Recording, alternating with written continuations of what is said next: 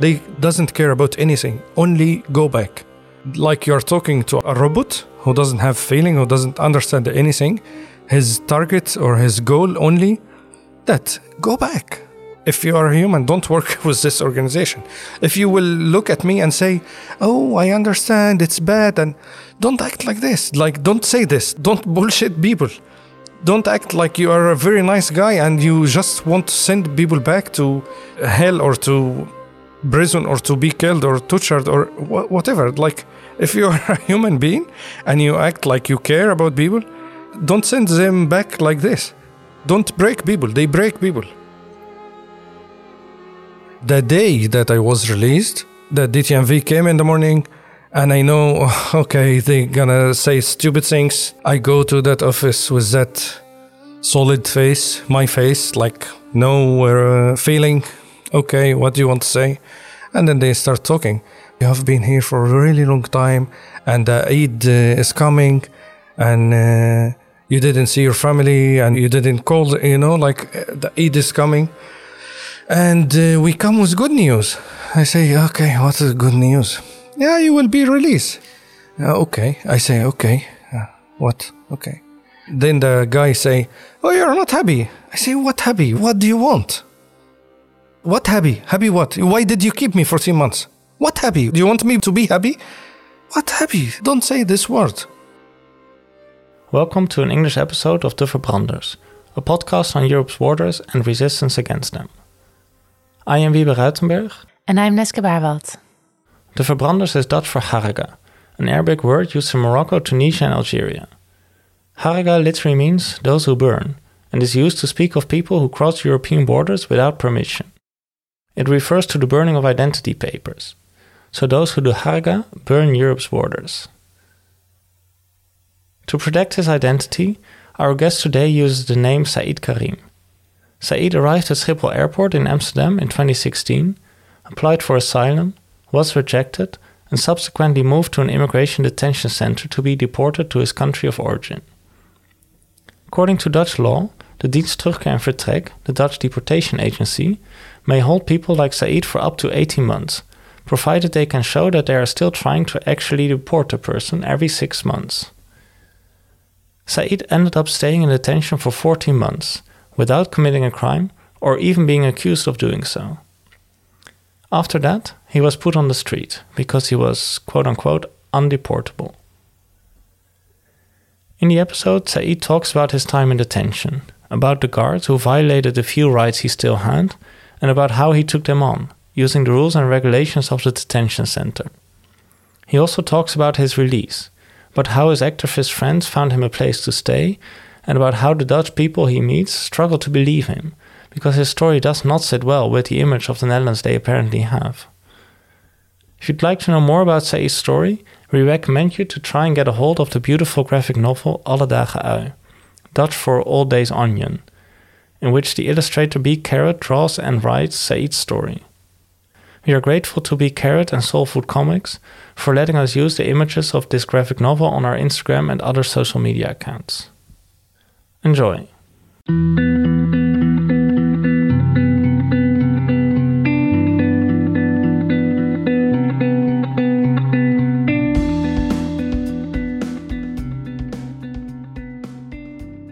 So, welcome, Saied. Thank you very much for taking the time to talk to us today. Thanks to you. So, today we'll be talking about your experience in detention in the Netherlands, where you spent 14 months. Yeah. Maybe we could start out by you talking about how you ended up in detention. Yeah, I ended up in detention because I left uh, Egypt because of the military coup, and then I tried to find a safe country to live because it was really dangerous for me. Like I have only two things: I will be dead or uh, in prison till unknown time. So uh, I tried to find a safe country, and I didn't choose to come to the Netherlands. My destination was New Zealand, but a problem happened in uh, South Africa, and then I changed the destination to come to the Netherlands because it's uh, very quiet and nice, and they respect human rights and stuff. And I thought it's good. And when I came to the airport, I told them about my story, and they say, "Okay, we take you to a place where you can eat and sleep for a night, and then uh, you go on your procedure." And uh, that was the detention. Yeah, this is how I ended up at uh, detention. So you didn't know you were brought to detention no, when no, you not were... at all. Not at all. I didn't know anything about what will happen when you apply uh, for asylum. I didn't know anything about this.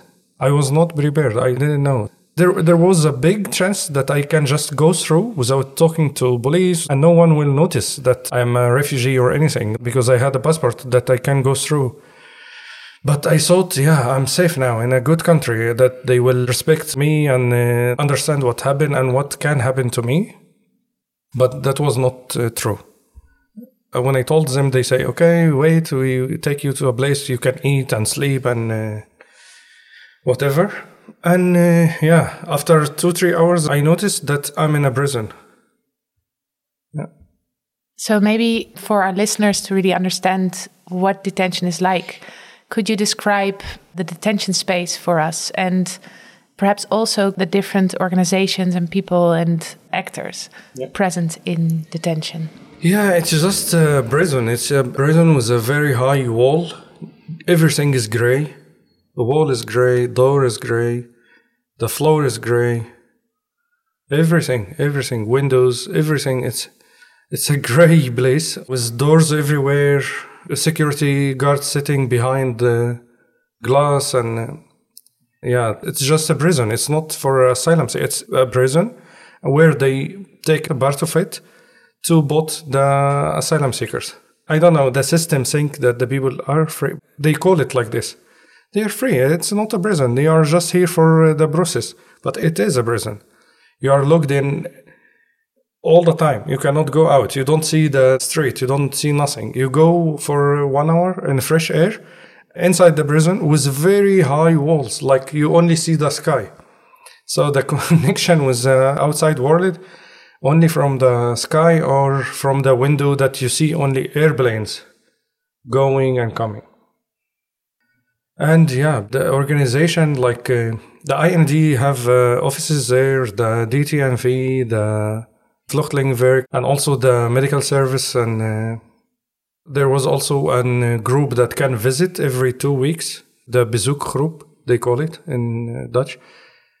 Uh, that's it. That was the organization that works there. And can you maybe describe what a day in the detention center looks like? Like sort of the rhythm of the day. Yeah, the day uh, begins at 8 o'clock with opening the door because you sleep locked in your room. And the guard comes to all the doors and open it and say, hey, good morning or something. And after 30 minutes, they start giving the food. They ask someone from the detained people to go with the car to share it. And they bought in bread and cheese and something frozen, uh, terrible food. It's really terrible food. And then, uh, if you have a meeting with the DTNV, they call you, then you go to a room to discuss about your future of going back your country. They focus only on this. Go back, go back. No matter what will happen to you, but that was their uh, goal. And, uh, you can go outside for fresh air during the day, like for uh, one hour or something. And uh, if you have something, you can go to the doctor. But all this with appointment, and you have to write it in advance, like a day or two days before, and then they take you. And then uh, you just sit on the table on the hallway. Some people can uh, play chess or anything. They say, okay, you can go to do sport but that's only at 8 o'clock in the morning. And everyone wants to sleep. Who's detained in a prison for nothing and have energy to go do sports. It was crazy. Some of the guards say, oh, yeah, you are free. You can come if you want to do sport. You wake up early, you have energy. It was really insane. Yeah. Yeah. This is a day. Only the difference when the this group comes, and start cooking with uh, people inside and we eat all together that was the only day that all the people eat uh, something uh, like a real food once every two weeks Yeah, I think that was it. And the rest is always uh, things with the guards, like people fight, people complain about the guard, like those kind of things. And what time are you locked back into your room? There was two different departments where they lock people at five o'clock, and other one was at uh, nine o'clock, from nine to nine. From nine to nine, yeah. And how can people from the outside world visit you? How does that yeah, go? it's really difficult because most of the people who comes in, they have no idea how those uh, visit things work, and also a lot of people doesn't know anyone here to visit them or something. So it's only if someone knows you, then you can uh, register his name uh, and date of birth, and then he can visit for one hour. But mostly the people who comes f- from outside, they have no one uh, in the Netherlands. Yeah. Yeah, a lot of people doesn't know anyone. No one visits them. I stayed there for like nine months, and I never got a visit. After Yeah. that, a Sudanese uh, friend, he got his asylum, and he told my story to the people who support him, and uh, we are here group, and they thought, oh, we should visit this guy, and uh, from that time, I got different visits from uh, people who became really uh, close friends to me till uh, now. Yeah. Can you tell us something maybe about those first months where you didn't know anyone outside of this prison? What were they like? What was it like going through that? It was really hard and uh, crying every night, crying, too much crying. But I always uh, try to be strong during the day in front of the guard because some of the guard, I see that they really enjoy seeing people like this and uh, they use it against them also because it's all a psychological thing. Like they play with people like this to give up and just go back, even if they will die there in my country.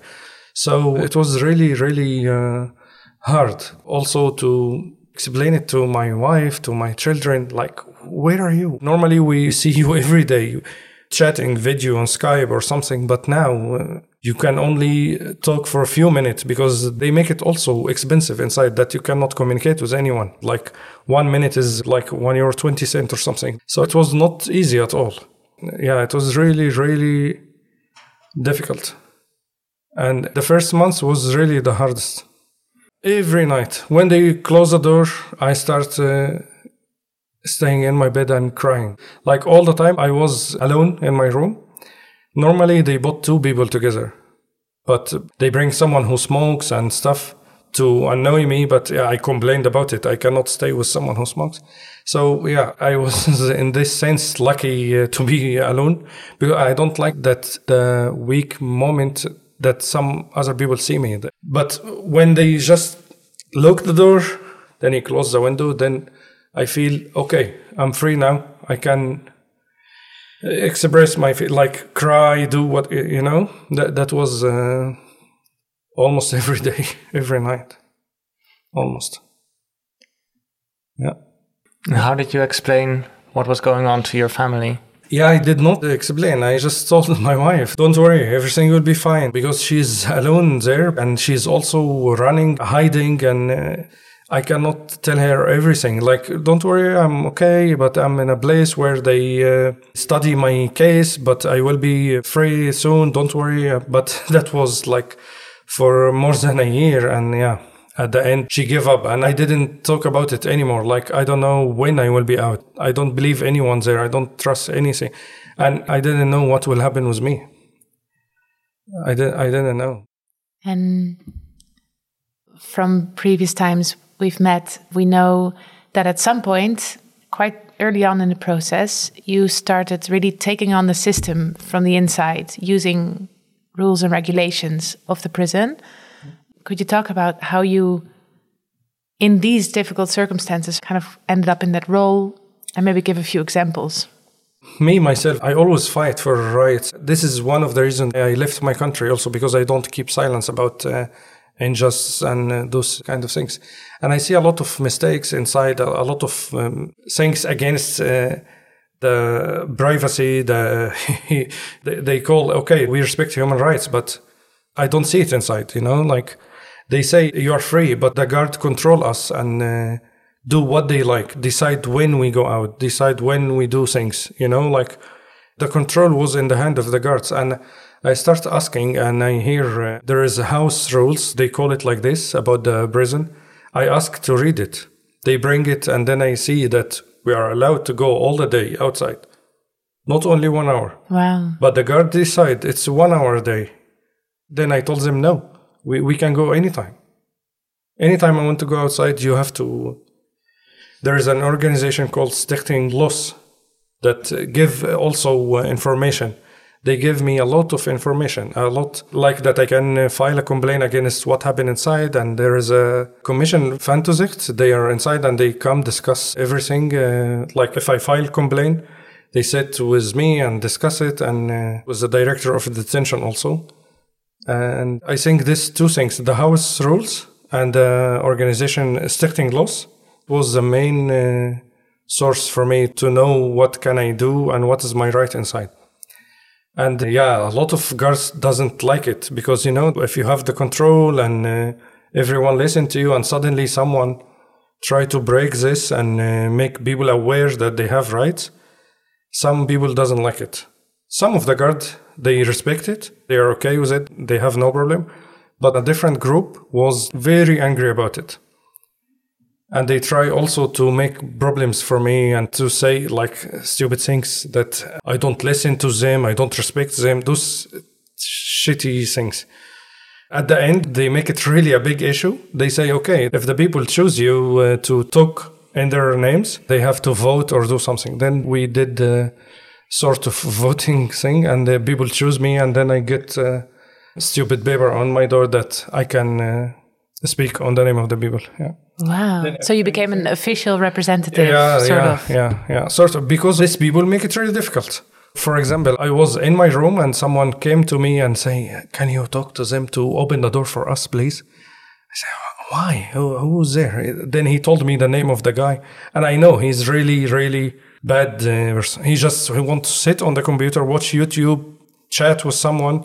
That's it. That's his job. He get his salary to just come and sit on the computer. But I went to the office and I said, why don't you open? They want to go outside. They say, oh, really? Okay. I will go to open to them now. So things like this, when someone asks and they know that he cannot complain, he cannot say anything, then they just decide what to do with him. But if someone knows, they act different. Hmm. Yeah. I don't know. Maybe uh, because of what I did inside, they make it longer for me. Who hmm. knows? Hmm. Till now, I don't know. I will be very happy to find out why I was uh, there for 14 months. Yeah. Yeah. Can you maybe like give examples of rules and regulations that you found out about that you knew that weren't followed by the guards Yeah, and that you like- kind of took on and Yeah. started fighting against? One of the biggest complaint that I uh, filed inside, uh, they take me to the hospital and they handcuff me. And that was not allowed because I'm not criminal. I have no risk, you know, like they do a check for like people who go uh, in transport and I have zero risk. But somehow the people every time handcuff me and I complain about it. And uh, Commission van Toezicht bring the director and the director say sorry to me and they pay me 25 uh, euros as a compensation. And they that's say, sorry, this will not happen again. And that was one of the things that I beg. And also the fresh air, like that you can go out at the garden. That was also made by the guard that it's only one hour a day. But I break it. Like when I found out, I told them, no, I'm staying the whole time outside. I go upstairs, I eat something, and I go back to the garden. That was really uh, one of the moments that I feel, okay, I got something, you know? Yeah. and the people inside really like it. But for me, it was a moment that uh, I achieved something. Yeah. How did the guards respond to you? Some of them was really happy about this. Some people would say, leave him alone. He's right. If he wants to go out, you go open for him. And the rest was really angry. They really hated me. I see it on their faces, on how they talk to me, and I also hear what they say about me. It was like uh, always this balance. You don't know, like if this guard is there, the atmosphere is good. If this guard is there, everyone stay inside because he's bad guy, and there was uh, many of them. Yeah. And we know that sometimes, as a form of retaliation of, or punishment, they use isolation. Is that something that ever happened to you? Yeah, it did happen once. One of the guard, she comes there every day. I think her only goal of coming to work to uh, roll her cigarettes. She bring this empty things and a small machine to fill in the cigarettes. She can stay for two, three hours only filling cigarettes. And I went to ask her to open, and she was really uh, angry. And the next day, I was uh, inside and I called, and she was again in the morning shift. I was very sick. I have a problem with uh, sleeping. Now I have a sleeping machine. If I don't use it, give me a very very strong headache. That I must take eight or six uh, Panadol or uh, ibuprofen or something like this every day. So I wanted to ask them to bring the medicine. And I call, I call, they ignore. I call, they ignore. I call, they ignore. Suddenly I see someone for the first time, a very huge guy. I find out after that that he was from the special security when something wrong happened. He comes. He came to my door and he say, What do you want? I say, I want medicine. He say, Why you keep calling? We said, Wait. I said, No, I'm sick. Please ask them to bring my medicine. Then he said, Why you talk like this? He pushed me inside and then he hit me in my chest. That was early in the morning, almost everyone inside his room. There was only an uh, Iranian guy going to court and he saw everything. And I called him to help me. And then he ran to the room where the guard sat. And then after that, they came, all of them. And I told them, he hit me. I want the director. I want to make a complaint. And after like one hour or something, the director came and she say, you are making a big uh, accusation of my uh, team. I don't believe this. But what I will do, I will go check the cameras. And if I see that he hit you, I will come back and say sorry to you. But if not, I will give you a punishment. And I said, okay. Then she went and she never came back. But I got later after one hour that I will be uh, in isolation for 24 hours. Because the cameras didn't detect because because the director knows that this is a special uh, guard. He knows everything. He knows how to do those things. He knows how to hide from the cameras. He knows where is the camera. He knows everything. That's why he came and he will hold the door like this and he pushed me inside and he came with me inside. There is no camera that can cover inside my room. No cameras. She knows this. And that was one of the worst days in my life, you know, like I did not imagine at all that something like this will happen to me here. Like that can happen in Egypt that an officer beat you and kill you or do whatever he like. But I didn't thought that this might happen here. Hmm. But those things happen many times for other people, and I hear the inside also. And few times I hear people really screaming inside, like when they take people back with a special team like this. You can hear screaming, crying, and like those guards have no feeling, nothing. They just take the people and uh, put them in an airplane or something. But that was my uh, day uh, in isolation. Yeah. So, what about this Iranian guy that you mentioned was on his way to court? Yeah, that Iranian guy was only uh, one week there. I didn't really know him. I only know the room number, and he doesn't speak English, only uh, Farsi. Then, uh, after my isolation, I went to the Vluchtelingenwerk. There was a girl there who speaks uh, Farsi also. And I told her the whole story, and I told her, please, if you can talk to this guy and ask him. And uh, she did, and he uh, told her everything, and she wrote it. And I make a complaint after that to the Commission van Toezicht. But they say there's the report of the directors say that they don't see anything in the camera. But I keep telling them there is a witness, and he wrote uh, everything. Why don't you take it? But yeah, I didn't succeed with this. No. I think because if this complaint goes through, then something wrong has to happen to this guard. But they really protect him inside. What I see inside also that the director doesn't care about the people, but he only take care of himself. Like if someone of the guard do something wrong, then it will affect him. So he have to keep everything secret and hide everything. So he's not protecting the security, he's protecting himself. You know, like all the teams do crazy things, stupid things, the guard. But the team, they say, oh, he's my colleague, you're gonna leave. but I will work with him forever, you know, like I have to uh, be on his side. That's always what they say inside. He's my uh, colleague, yeah. We are nothing, we are just, uh, yeah, we are just nothing. Coming here to take their jobs and uh, money and there is people who said this to me like direct. Go back. Why why you come? Go back. You know really like this with flat face. Also if anyone here that you're in a prison for 14 months immediately he think that you did something crazy you know especially in the netherlands like in my country people go for 25 years for standing in a demonstration but here not you know so 14 months was uh, unbelievable for everyone who heard. He say, "Oh, you did something uh, wrong," and uh, I think it's good that we talk about those uh, things. And uh, you mentioned the DTNV at the start of this conversation. Could you talk about what those kind of conversations with the DTNV are like? Yeah, that's uh, another level. This very polite uh, people comes, sit in front of you, and start talking. We want to help you. We want to help you in your future. You have no future here. You will not get asylum. You cannot stay here. You cannot stay here at all. You will be always in a prison. Go back. And when you tell them your story, they say, Yeah, we understand. But you have to go back. I will be killed if I go back. Yeah, I understand. I believe you. But you have to go back.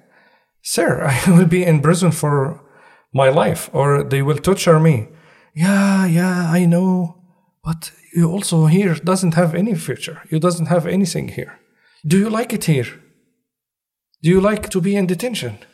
Bad food, bad things. You cannot see your family. You cannot see your children. It's better. eh, Go back. We will book a ticket and you have to go back. And you keep saying, no, no. Okay, we will force you. You will go back with guards. They will take you in the airplane and you will go back. And then the conversation ends and they come after two or three weeks and they repeat the same thing for like six months or something. And they start another level. You have to go to the embassy. And you say, No, I cannot go to this embassy. No, I will not go. You will go. We will force you. So they play with uh, people uh, feeling and emotion, and they keep saying, You cannot see your family. It's better if you go back, even if it's a bit difficult there or whatever. Those tricks work with a lot of people. People give up and go back, and people give up and go to the embassy. And they got the embassy to go back even if it's very dangerous for them. I know people who they force them to go and they are in prison in Sudan now and they torture them and I don't have any contact in Iran, but I know Iran is a very, very hard country and they send many people to Iran back by force, not with embassy, with anything, by force to Russia and from Russia to Iran. They doesn't care about anything, only go back. Like you're talking to a robot who doesn't have feeling, who doesn't understand anything, his target or his goal only that go back. Believe me, if you are human, don't work with this organization. If you will look at me and say, Oh, I understand, it's bad, and don't act like this. Like, don't say this. Don't bullshit people. Don't act like you are a very nice guy and you just want to send people back to hell or to prison or to be killed or tortured or wha- whatever. Like, if you are a human being and you act like you care about people, don't send them back like this. Don't break people. They break people.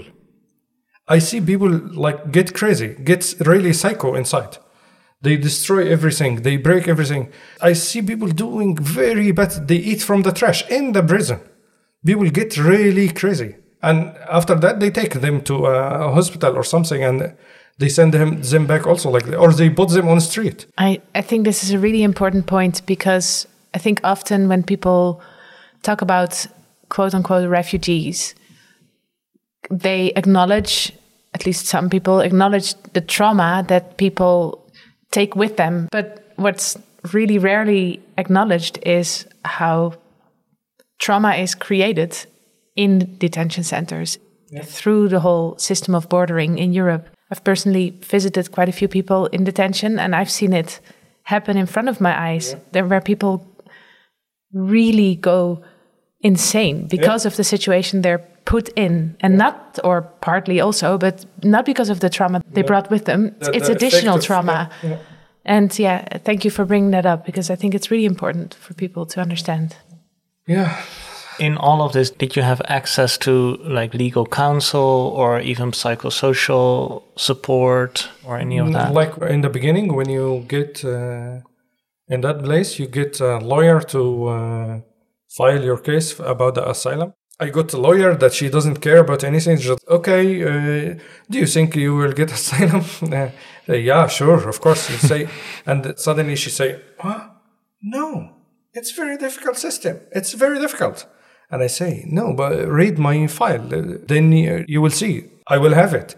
And she she was she was like no. So she's my lawyer which should be on my side but that was not true. That was really in the beginning and after that i didn't get any uh, legal uh, aid or something. Only in the end when i got visits from uh, friends and stuff they find a good lawyer and she starts fighting and she work on my release and uh, she's the one also who helped me to get my uh, asylum now yeah So when you're sitting with DTNV, No, you get no, no, you- no, no. there's no, No, no, one no. helping you. No, no. There's and I no- see, I watch sometimes. I with the DTNV when they come, and I see DTNV take people inside, and people come out crying, and then I see the DTNV smiling and like really uh, laughing with the guards. They enjoy. I see it. That's why I was really strong inside. Like I don't show them at all that I'm. Uh, weak or broken or because they enjoy it they enjoy uh, watching people broken they enjoy watching people crying they make fun of it yeah it was uh, but we don't get any help like no nothing at all nothing it was only the good moment inside that the visit group come and talk to you and treat you like a normal person you know which you don't have inside.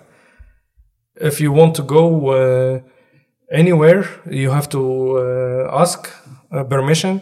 If you want to wash your clothes you have to ask permission. If you want to cook you have to ask permission. Like they keep the bands and uh, glasses and uh, cups and everything in the office.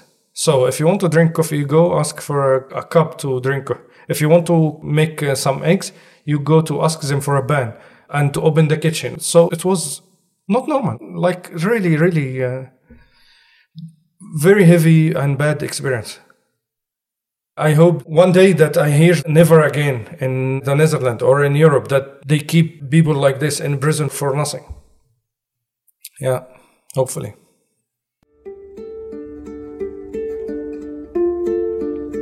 يا حبيبي تعال الحقني شوف اللي جرالي من بعدك. سهرانة من وقت بلاقي خيالك. من غدك وأنا كاتمة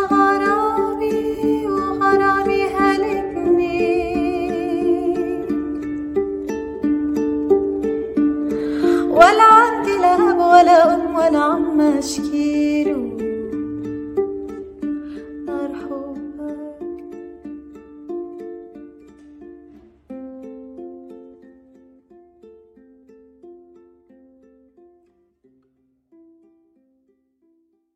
And another issue that is brought up by a lot of people who are in detention is lack of access to medical care or lack of quality medical care.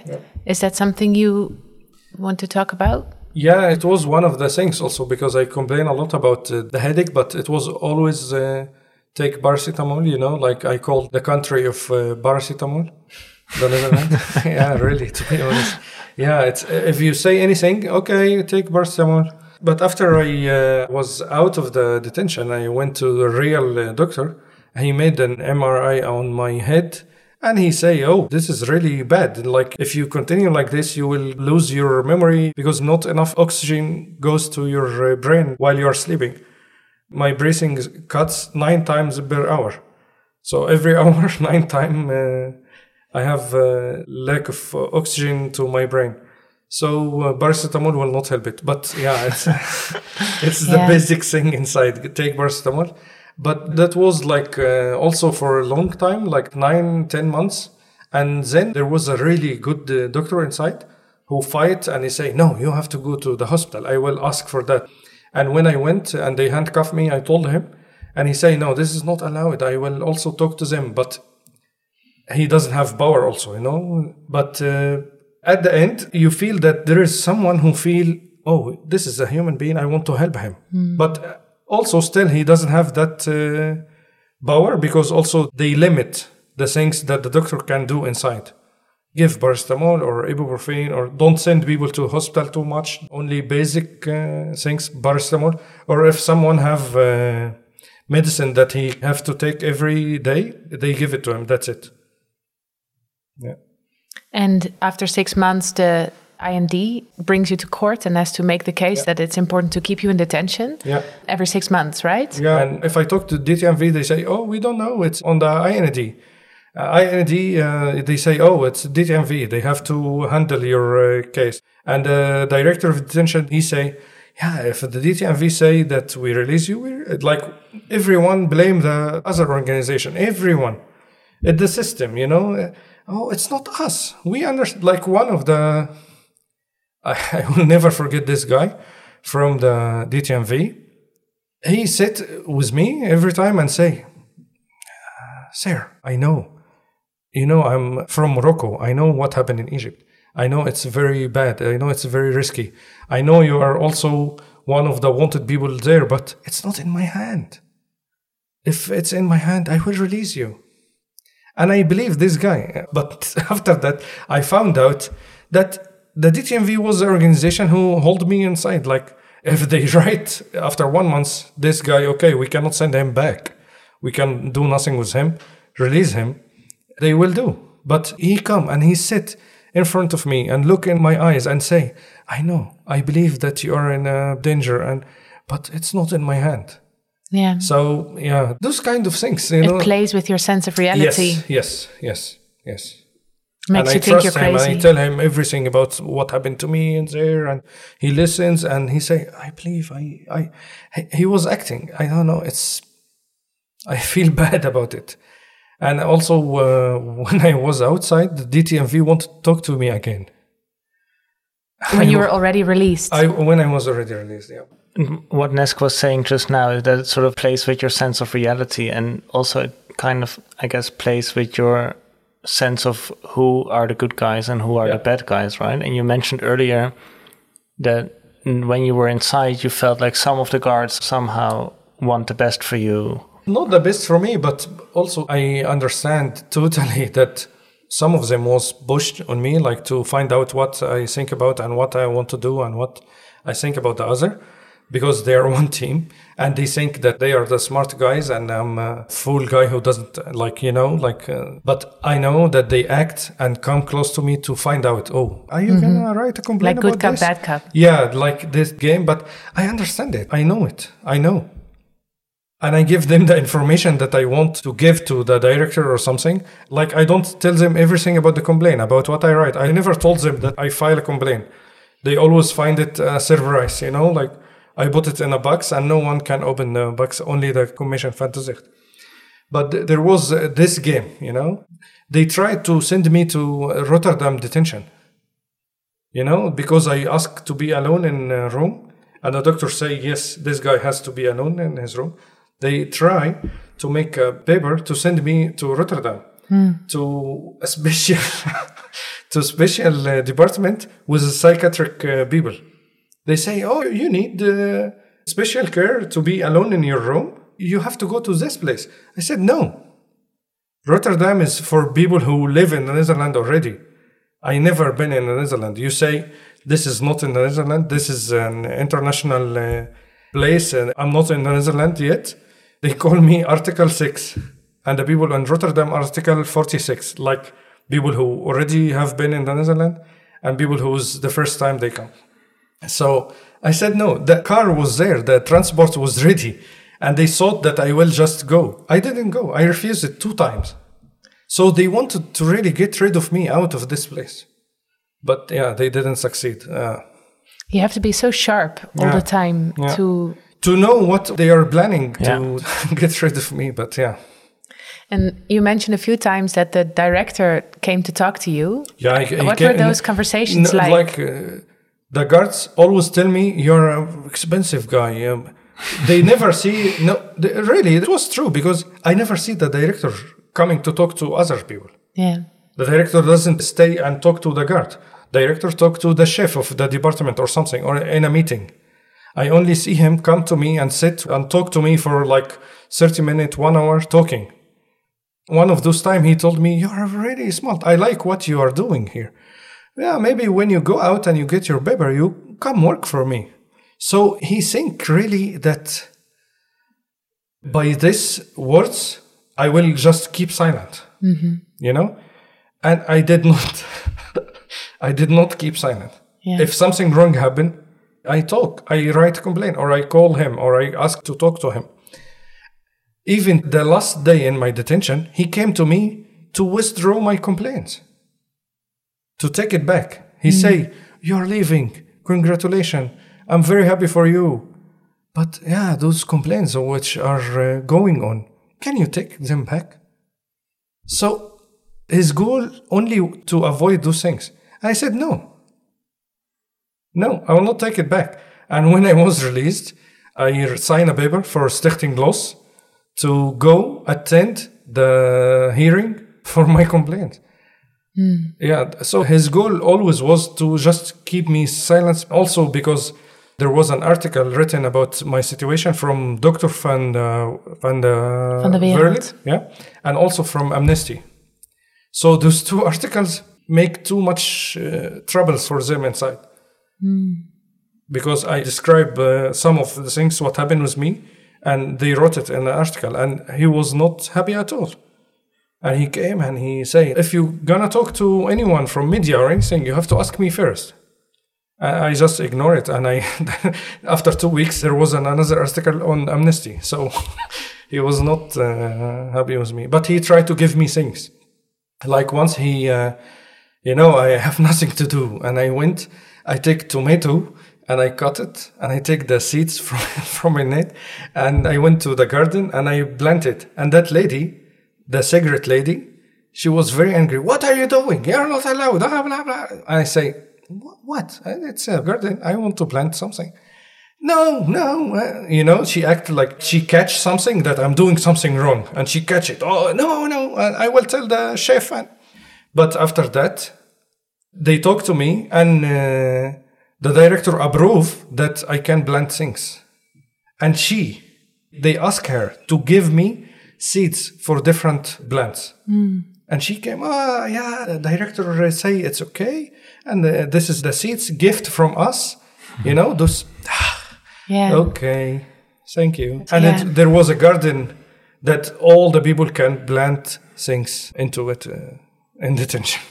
Yeah. And also, I was always complaining that I cannot see my family. I want to Skype. Like, we are not criminal, right? You say we are free. We want to Skype. We want to see our families. And then at one point, he came to me and he said, Listen, I will allow you to go to the chef uh, office and you Skype with your family, but this is only for you. At that point, I said, No. Only for me? No, I don't want it. If it's for everyone, okay. Only for me? No, sorry, I don't want it. But that was really at the end of my staying. Like I finished one year. So he came with this uh, gift for me, but I didn't accept it. Nah, you must be strong to decline it because by that time you hadn't seen your family. I hadn't seen, but I get used to it, and my wife, and maybe also what make me strong to deny it, that maybe I will get it once, and then the children see me and they won't see me again, and I cannot. Then what can I say after that? So it was also good that I didn't accept it because I will not respect myself after that because I fight for uh, my friends inside and then I just take this uh, extra thing for only myself. No, it was really uh, important for me that I don't do this. No. What strikes me as well is when you tell the story about the lady with the cigarettes and her seeds, but also the director allowing you, but only you, to Skype with your family. It's they communicate to you that they are sort of giving you a gift Yes. or something like that. But what it really communicates is that it's in their hands, right? It- and it it's is, always it in all of this communication and how they treat you. It communicates if you behave, we can make Yes, life easy for yes. you too. Yeah. They use this word if you behave. Behave normal. Like, yeah, if you behave, you will get, uh, so- you know, but I, I don't care. So it's like different methods to enforce discipline. Yes. Yeah. Yes, If you behave, we can Yes, make and they life try easy. also force with me that she sent this guard to uh, Exactly. Yeah. So that's the opposite of the Yeah. coin, right? Like if Yeah. you behave, we treat you well. What- If you don't, we'll One time, you. my friend was coming to visit me, and one of the guard, who was very close friend to that cigarette lady, he came, and that day I was wearing uh, short, not really short, like it covered my knees, and and he say, "Oh, you change your clothes." I say, "What?" He say, "Change your clothes." I said, "Why?" He say, "Yeah, it's not allowed to go to the visit area with this uh, clothes." I said, "What? Who are you to tell me to? I will not change. I will go like this." I say, "No, I will not take you, and I will cancel the visit."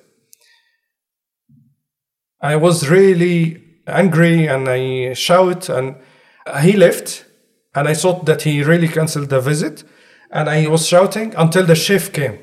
I say, "Is this a problem that I'm wearing this?" He say, "No."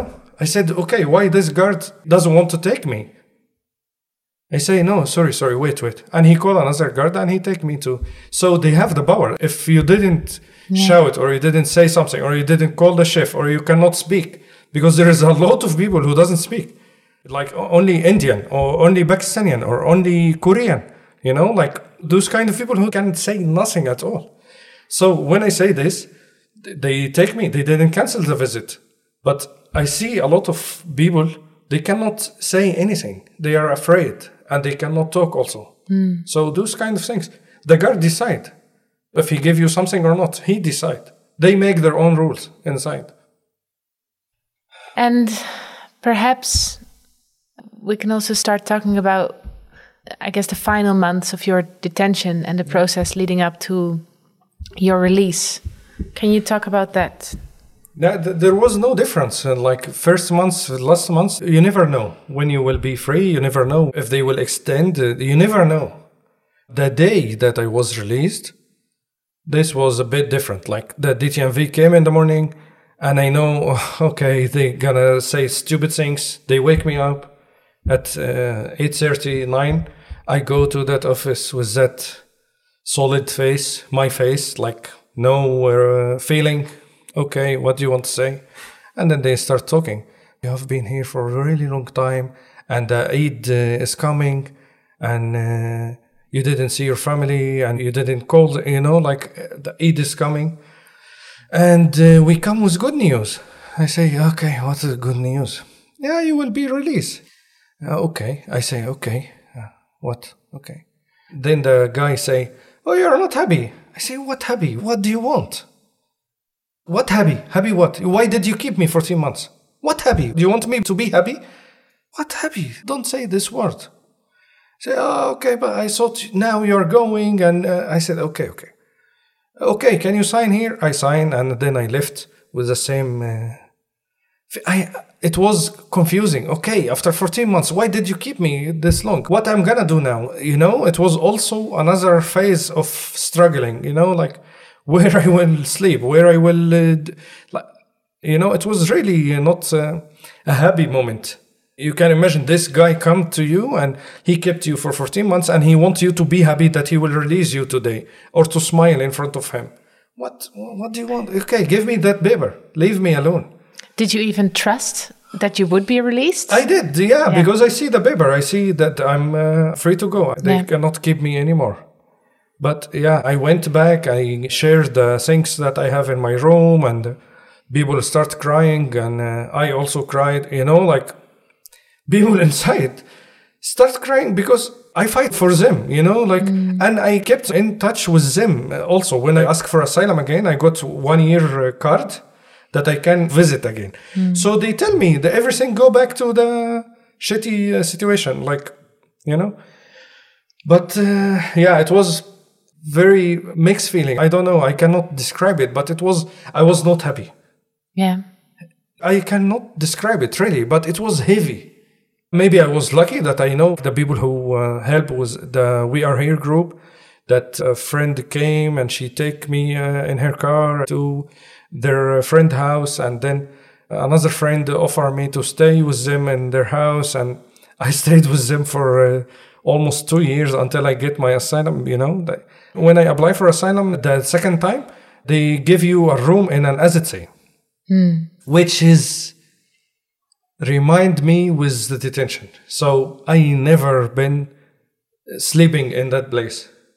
And when I go there, I feel really angry bad. And because the people who work with COA, that this organization called COA, they also act like the people who is inside the detention. They walk with keys, they walk with this walkie-talkie things, and they also treat people very bad Yeah. the COA use the same way. If you behave, we can give you extra things. Yeah. And you already mentioned that somehow you were mm, sort of lucky that you were picked up by people. Yeah, of course, because a lot of people uh, end up with sleeping on the street. Yeah. I heard a lot of stories. Like my friend, a Sudanese guy who I help inside, he told me stories that he's sleeping in the church. He's sleeping on the street. They try to take in a house or something, an action, empty house or empty church to sleep in, in cold, in winter. And so I was lucky, of course, that there's a, a friend or a, someone who wants to help me. I was really uh, very lucky. Yeah. Because a lot of people end up on the street. And after a few times or, or a few uh, months, they pick them again and bought them again in prison. Yeah. Actually, I see three people twice in the prison. They release them and then they come back after a few months. So, uh, yeah, I was lucky. Yeah. I don't know if I didn't have those uh, friends uh, around me. Maybe, uh, yeah, I'm not here now. I don't know what will happen to me, but I was lucky to be honest. So, speaking from this moment, how do you now sort of look back at the time you spent in this detention? Yeah, it's a very uh, heavy uh, experience. And also, it shows me that there is nothing called human rights or something. Human rights only for special people, not for everyone. There is a lot of uh, bad things happening, and it will keep happening if we don't talk about it or we don't fight against it. So I choose to talk. I told the guards, I will write about this. I will not keep this. I will tell everyone about what you do here. And some of them make fun of this, and some of them say, Good, yeah, do it. You know, like one or two who say, Good, do it. But the rest, they make fun of it. Ah, okay. Because this detention exists for maybe 20 years or something. And no one knows. Like there is people who make noise, but not enough to stop it. But I decided that I will continue. I feel really bad when I talk about it. I remember everything. I feel really heavy. I want to cry again. I want to, you know, but I want to continue also talking about it to support to stop it. Because it's not good. I don't want anyone to be in this place. Anyone at all. So, uh, yeah. It's a really bad experience in my life. Yeah, but I learn a lot, but it's a really bad uh, experience. Mm, thank you for sharing it with us today. It's really yeah, thanks very to you special. for taking and the time. to pick up on the last thing you said, like you want to continue fighting this system, right? Um, we know you've collaborated also with B Carrot to document your experiences in a graphic novel, Yeah. and that has received some coverage in national media as well. Are there things that our listeners can do to support people who are still in detention or to support people who are fighting against this system? Like, what what can we do? I think the only organization who help the people inside now it's uh, Stichting Los.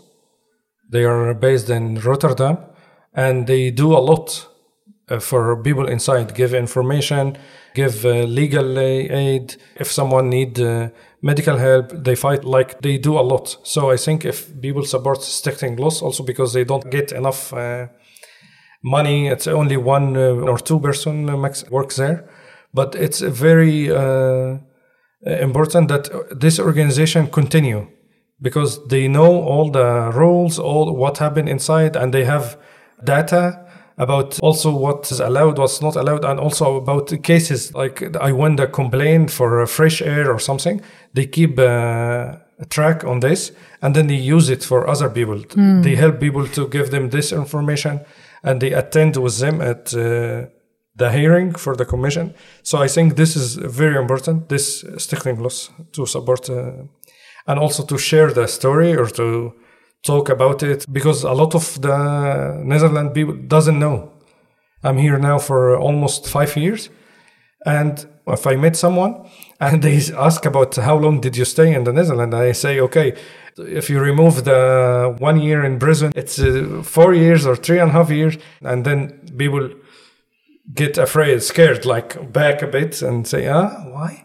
And then I tell them, and they say, no, that's not possible. Maybe is something wrong happen? Or, but there is a lot of people who doesn't know about the detention. So sharing the story is always good also. And educating yourself on yeah. on what's happening. Yeah, yeah.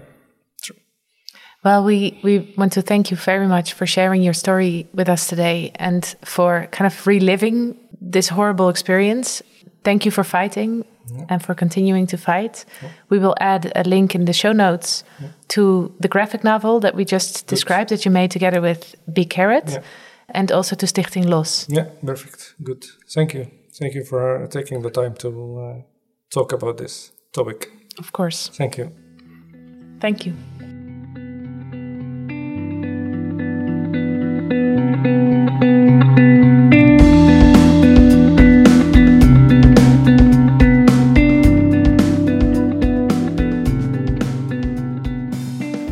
Closing this episode, we would like to thank a few people, collectives, and organizations.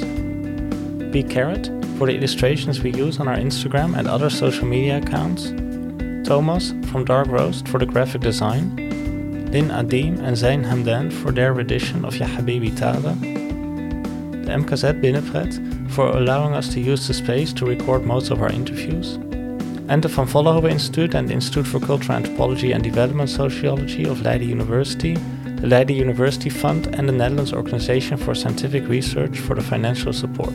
If you have any thoughts on this episode that you'd like to share with us, please get in touch through our Instagram, Twitter, or email.